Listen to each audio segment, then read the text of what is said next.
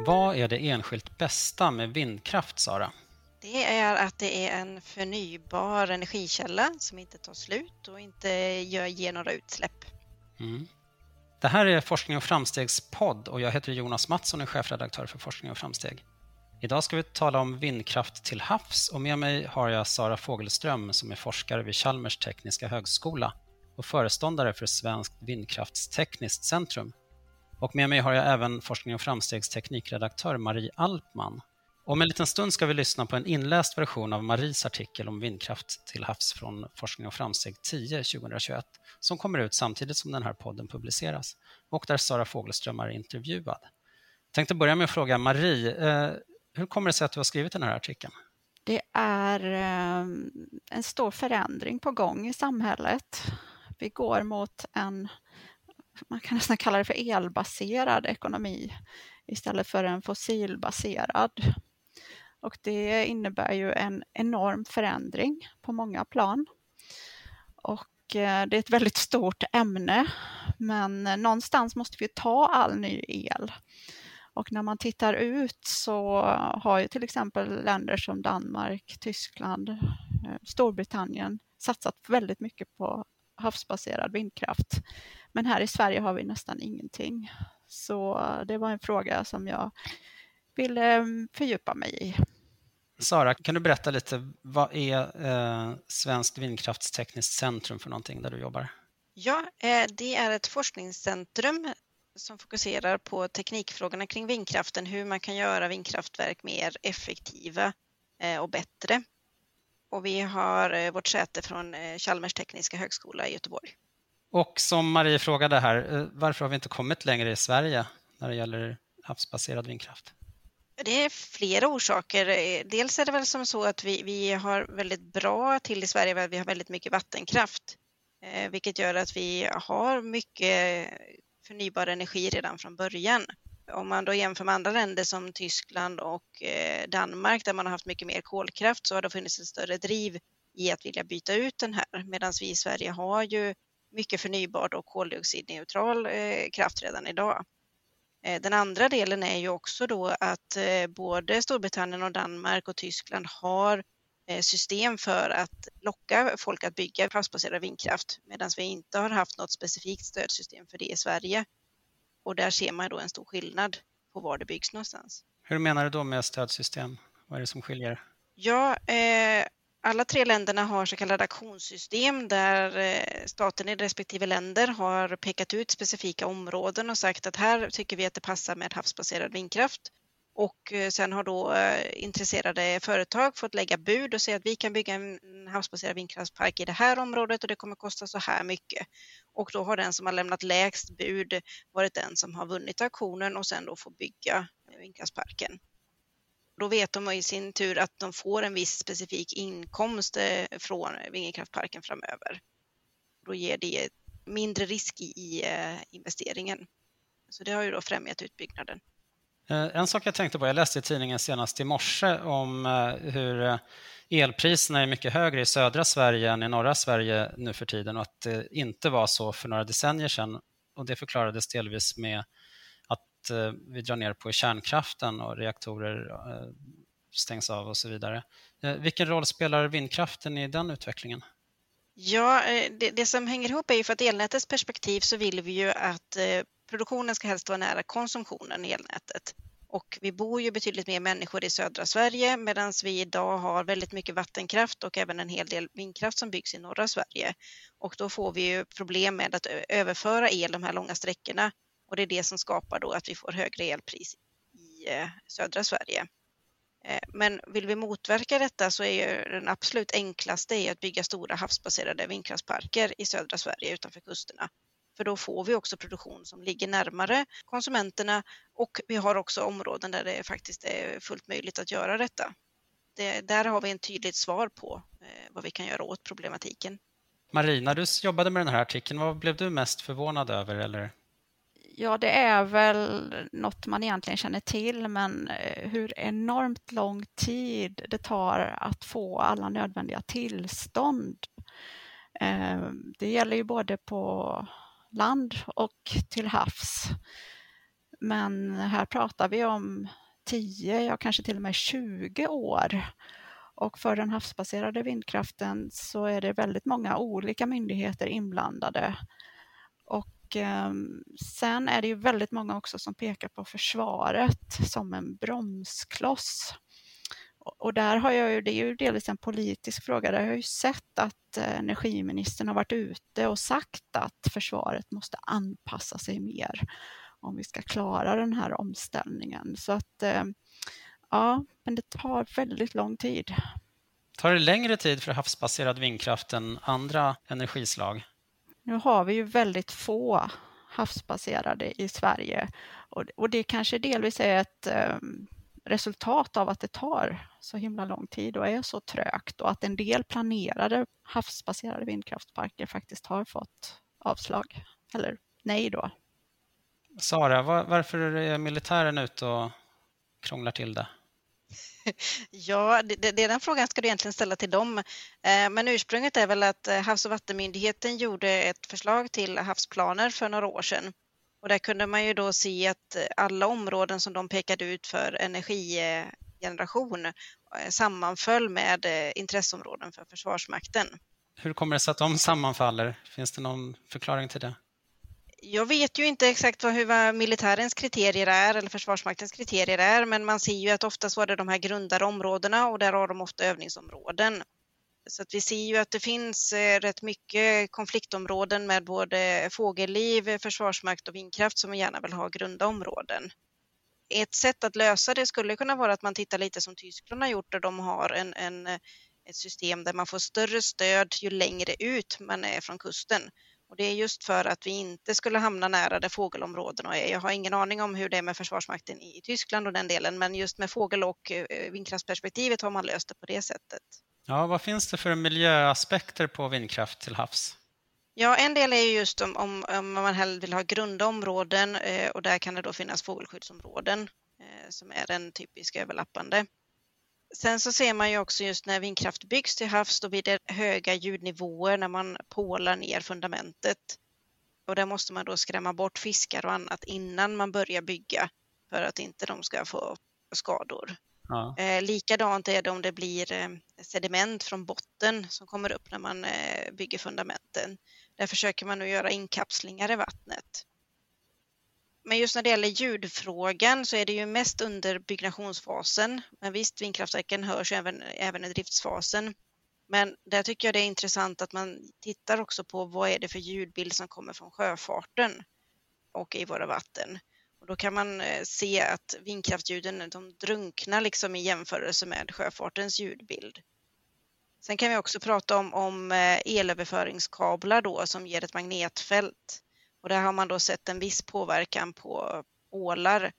Man kunde se att det tog eh, dem 30 minuter längre tid att ta sig en ganska lång sträcka just för att de, de fick lite störda signaler ifrån elkablarna.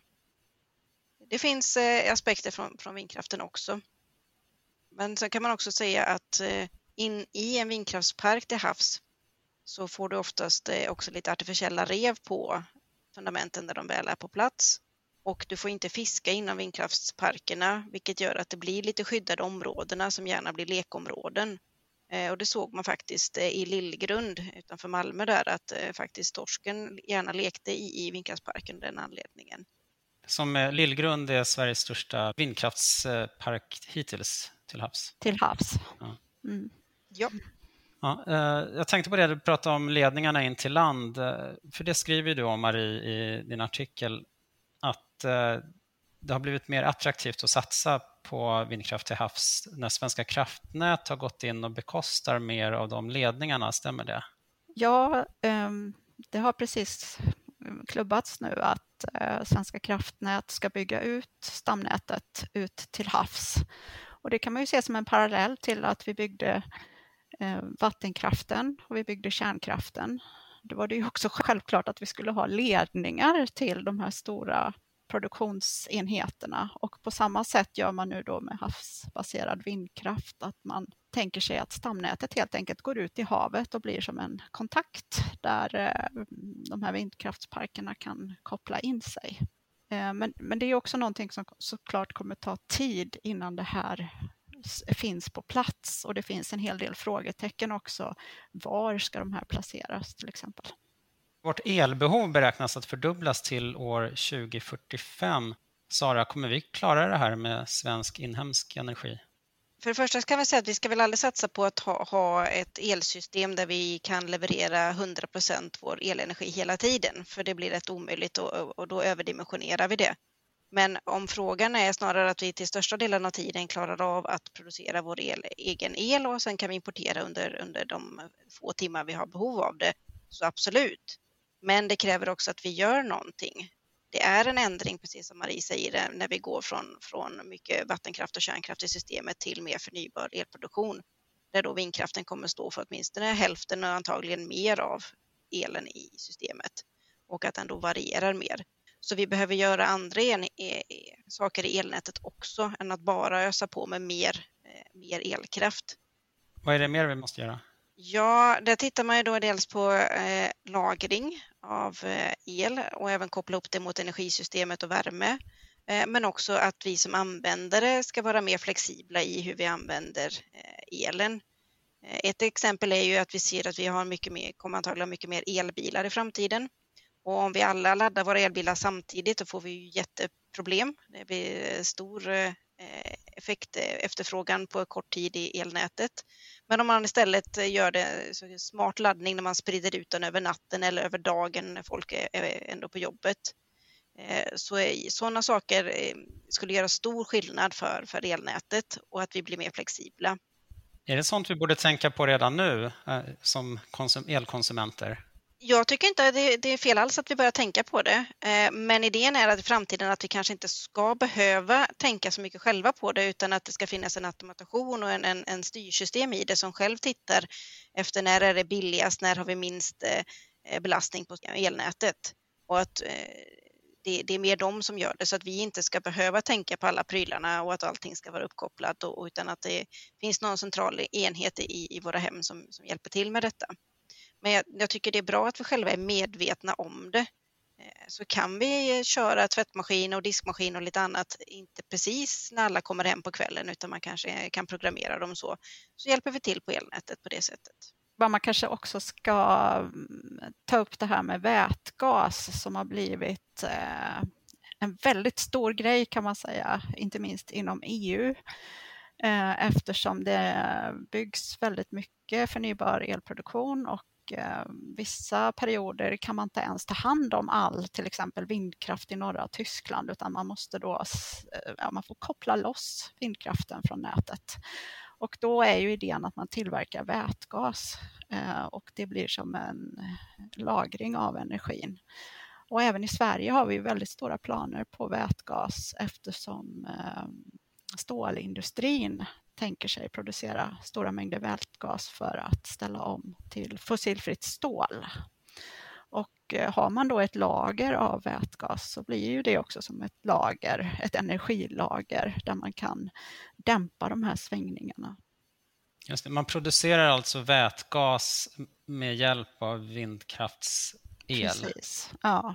Så man bara förflyttar energin från, från vinden till elen till eh, vätgas. Mm. Ja, stålverken kommer ju använda den i sin produktion för att ersätta all den koks som man har idag. Men tittar vi där på elnätet då, där om man vill använda vätgas som, som eh, eh förvaring så att man eh, producerar eh, vätgas när det är mycket förnybar elproduktion i systemet och sen när det inte är så mycket produktion från vind och sol, då ska man då konvertera tillbaka vätgasen till el. Då får man ju förluster på båda vägarna där. Eh, och eh, där är det ett sätt att man får upp effektiviteten på, på eh, bränslecellerna, det hade varit jättebra för forskning. Men också där att man kanske kan koppla ihop det då med energisystemet för du får ju då förluster som i form av värme där. Och kan man använda den värmen till fjärrvärme och andra system, då minskar man på det sättet förlusterna och ökar effektiviteten i processen. Så det är lite där att vi kanske inte behöver titta på elsystemet eh, bara separat och resten av energisystemet eh, separat, utan det kommer bli kopplingar däremellan. Mm. Det är ju väldigt populärt att prata om just det här med sektorskoppling. Det är ett sånt där liksom, trendigt ord eh, Precis. inom energiområdet. Och sektorskoppling är det vi har pratat om, att man liksom spela mellan värme, vätgas, el. Mm, precis. Sara, eh, om vi blickar framåt mot eh, 2045, hur ser Sveriges energimix ut då? Eller elmix? Vad har vi för källor och hur stora är de? Ja, om vi håller oss till målet att eh, till 2040 så ska vi bara ha förnybar elproduktion i Sverige så har vi ju då fasat ut kärnkraften. Som vi ser ut idag så har vi inte, kommer vi inte bygga mer vattenkraft utan vi har byggt ut de älvar som, som finns möjliga av miljöskäl. Så att den kommer ligga kvar på, på ehm, eh, en ganska ja, samma nivå som idag. Eh, så kvar har vi då biobränslen, eh, sol och vind. Och vad man kan se är väl att eh, biobränslen kan användas till väldigt mycket. Eh, så jag tror inte att eh, de kommer bli en jättestor spelare i framtiden. De kommer säkert öka från sin, sin andel idag som är rätt liten ändå. Sol kommer också öka, men om man tittar på vad vi har för förhållande i Sverige så är det mycket mer gynnsamt för vindkraft än solkraft. Så att stora merparten av vår elproduktion i framtiden kommer definitivt att komma ifrån vindkraften. Mm. Även om solkraften kommer öka från en knappa terawattimme idag till kanske ett par terawattimmar. Och hur stor andel av energin är det? Ja, det beror på hur, hur, hur mycket vi tror att vi ska eh, behöver ha i framtiden också konsumtionen. Vi, vi pratar ju om att vi ska gå till dubbelt som 300.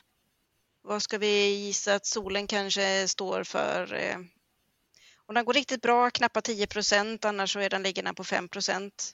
Ungefär samma på kraftvärmen. Och då blir ju att, eh, att eh, vindkraften står för någonstans mellan 50 till 70 procent beroende på hur mycket elkonsumtion vi tror. Sen är min förhoppning att vi kanske blir lite mer effektiva i vår energianvändning och elanvändning, för det har vi varit hittills, så vi kanske inte behöver gå upp till 300 terawattimmar elkonsumtion jämfört med 140 idag. Vi kanske landar på 200 eller 250 istället. Mm. Hur stor andel är vindkraft till havs av det här? Oj, det har jag inte en siffra på i huvudet, men eh, väldigt liten idag. Men jag ser definitivt att den kommer behöva stå för en stor andel i framtiden. Eh, pratar vi de här uppåt 300 terawattimmar till det så behöver den nog vara för hälften i alla fall. Mm. Väldigt så tummen och pekfingret. För att jag tror att det, det, där har vi en, en stor möjlighet att bygga större, större enheter och eh, få en konstantare eh, produktion. Sara, vad, vad forskar du om just nu?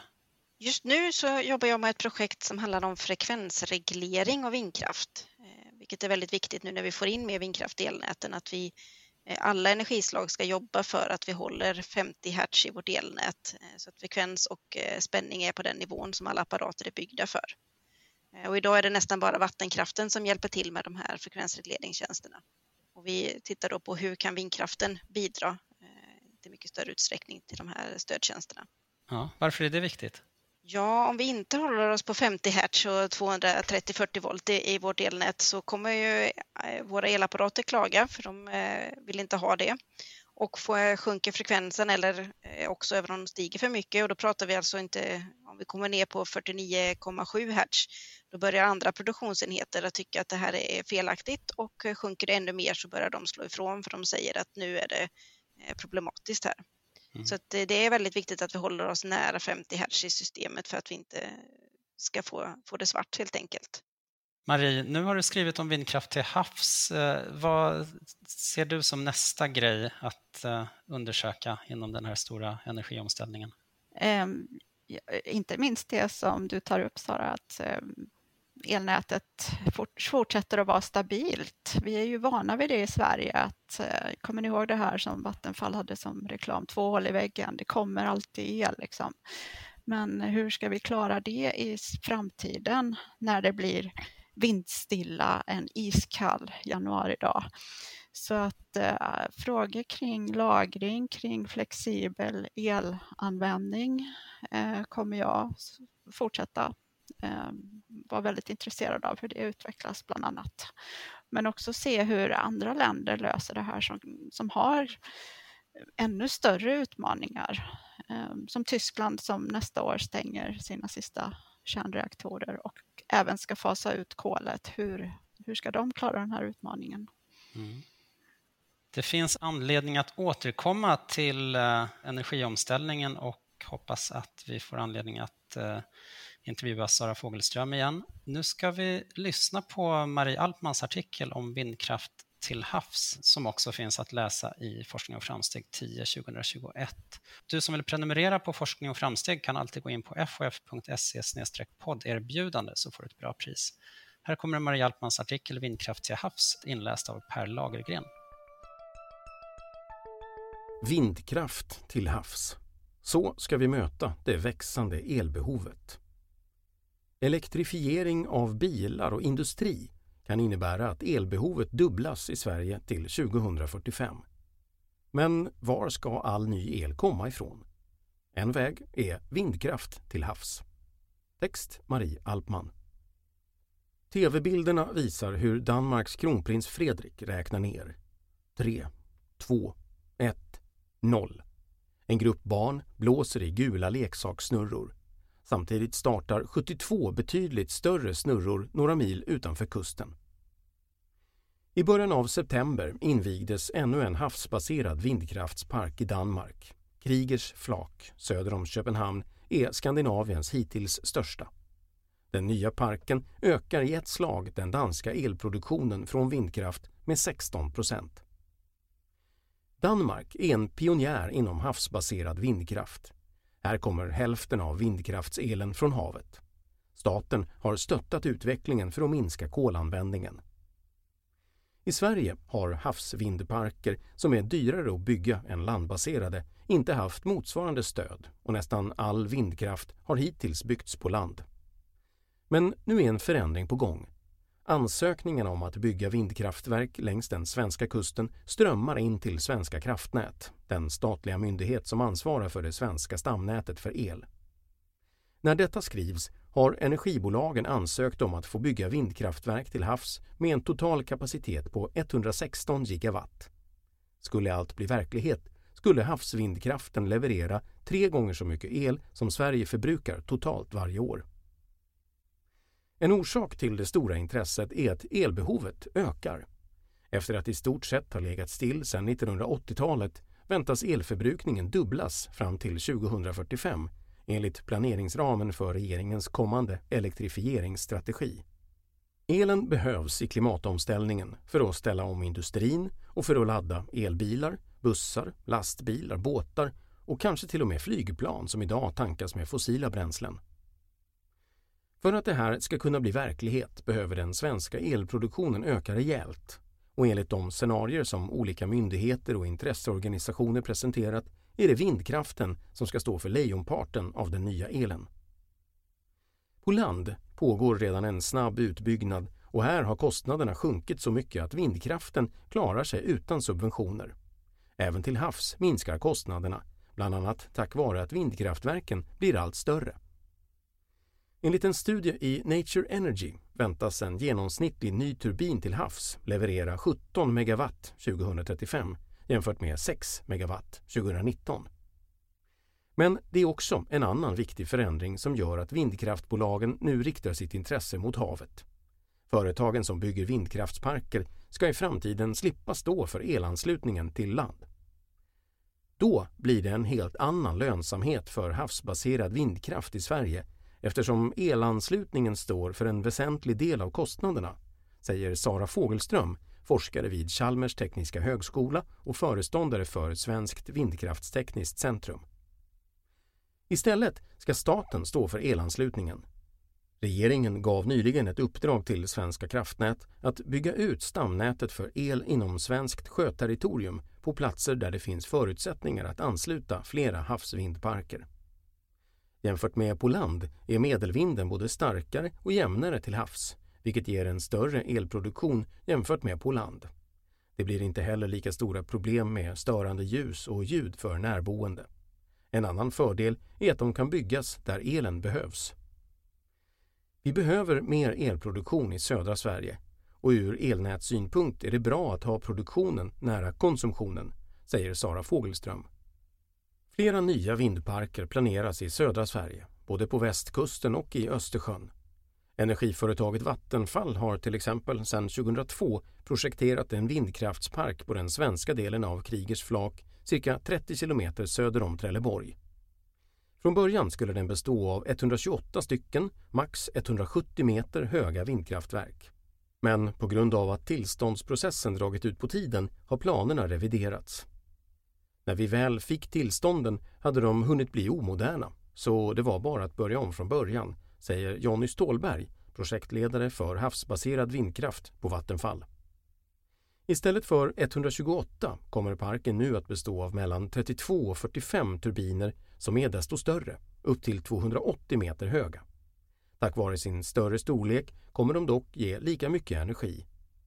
Det innebär att vi behöver bygga färre fundament och det blir färre turbiner att underhålla, säger Jonny Stålberg. Att utbyggnaden tar tid beror på att tillståndsprocessen innehåller många steg, inklusive undersökningar av havsbotten och hur fågelliv och havsmiljö påverkas. Försvaret måste också godkänna placeringen. Hur mycket havsbaserad vindkraft kan då komma att byggas? Enligt Mattias Jonsson, chef för enheten elmarknadsanalys på Svenska kraftnät, kommer knappast alla ansökningar bli verklighet.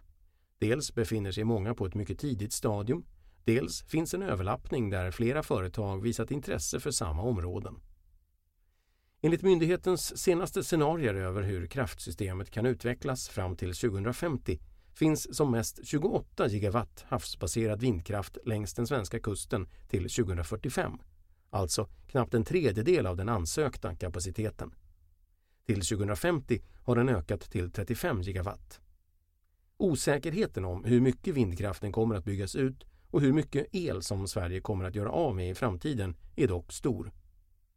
Spannet beror bland annat på hur mycket vätgas industrin verkligen kommer att producera, säger Mattias Jonsson. En mycket stor del av det ökade elbehovet väntas behövas för att tillverka vätgas genom elektrolys för tillverkning av fossilfritt stål. Även inom den kemiska industrin planeras tillverkning av vätgas genom elektrolys med hjälp av förnybar el. Hur mycket och hur snabbt denna produktion byggs ut är dock fortfarande osäkert. Ett annat frågetecken är var de nya vindkraftsparkerna kan byggas. Enligt de förslag till havsplaner som Havs och vattenmyndigheten lämnat till regeringen, men som ännu inte beslutats, finns intressekonflikter, framförallt med försvaret, som begränsar utbyggnadsmöjligheterna. Havsplanerna har också fått kritik från branschorganisationen Svensk Vindenergi för att de har en föråldrad syn på var det går att bygga vindkraft till havs. Gränsen har satts till 40 meters djup och det är framförallt i sådana grundare vatten där det finns värdefulla naturintressen. Enligt Svensk Vindenergi är det möjligt att bygga bottenfasta vindkraftverk ner till 60 meters djup. Samtidigt sker en utveckling av flytande vindkraftverk. Ett av de företag som satsar på tekniken är svenska Hexicon som utvecklat en triangelformad flytande plattform med plats för två vindkraftverk i två av hörnen. Det tredje hörnet förankras i botten. På så sätt kan plattformen vrida sig i vinden. Företaget har inlett planeringen av tre flytande vindkraftsparker i svenska vatten. Det finns även utmaningar. Bland annat är vindkraftverken svårare att underhålla och bladen slits mer än på land och behöver därför förstärkas, berättar Sara Fogelström på Chalmers. Bladen blästras av salt och annat och det är ett större problem än vad man tänkt från början. En annan fråga är möjligheten att återvinna de gigantiska bladen som tillverkas av glas och kolfiber runt en kärna av plast eller trä. Först nyligen har en av de stora tillverkarna av havsbaserade vindkraftverk meddelat att man utvecklat ett alternativt bindmedel så att de olika materialen i bladen ska kunna återvinnas. Den långa tillståndsprocessen gör också att det kommer att ta tid innan svenska barn kan blåsa i leksakssnurror vid invigningen av en stor svensk havsbaserad vindkraftspark. Enligt Vattenfall kan en invigning på den svenska sidan ske tidigast 2028. Vindkraften i Sverige vid slutet av 2020 fanns det 4 333 vindkraftverk i Sverige. Tillsammans hade de en effekt på 10 gigawatt. Sammantaget bidrog vindkraften med ungefär 16 procent till Sveriges elproduktion under 2020, vilket motsvarar 27,5 terawattimmar. Den havsbaserade vindkraften står än så länge för en mycket liten del. Totalt finns 82 installerade verk med en kapacitet på 0,2 gigawatt. I Danmark finns som jämförelse 2,3 gigawatt. Sveriges största havsbaserade vindkraftspark är Lillgrund söder om Malmö med 48 vindkraftverk. Du har lyssnat på ett samtal och ett reportage från Forskning och framsteg. För att prenumerera på Forskning och framsteg, gå in på fof.se podderbjudande. Rösten i reportaget är Per Lagergrens och medverkade i samtalet gjorde Sara Fogelström från Chalmers tekniska högskola och Forskning och framstegs teknikredaktör Marie Alpman. För ljudteknik, klippning och vignett står Per Dahlhjelm och jag heter Jonas Mattsson och är chefredaktör för Forskning och framsteg. Tack för att du lyssnade.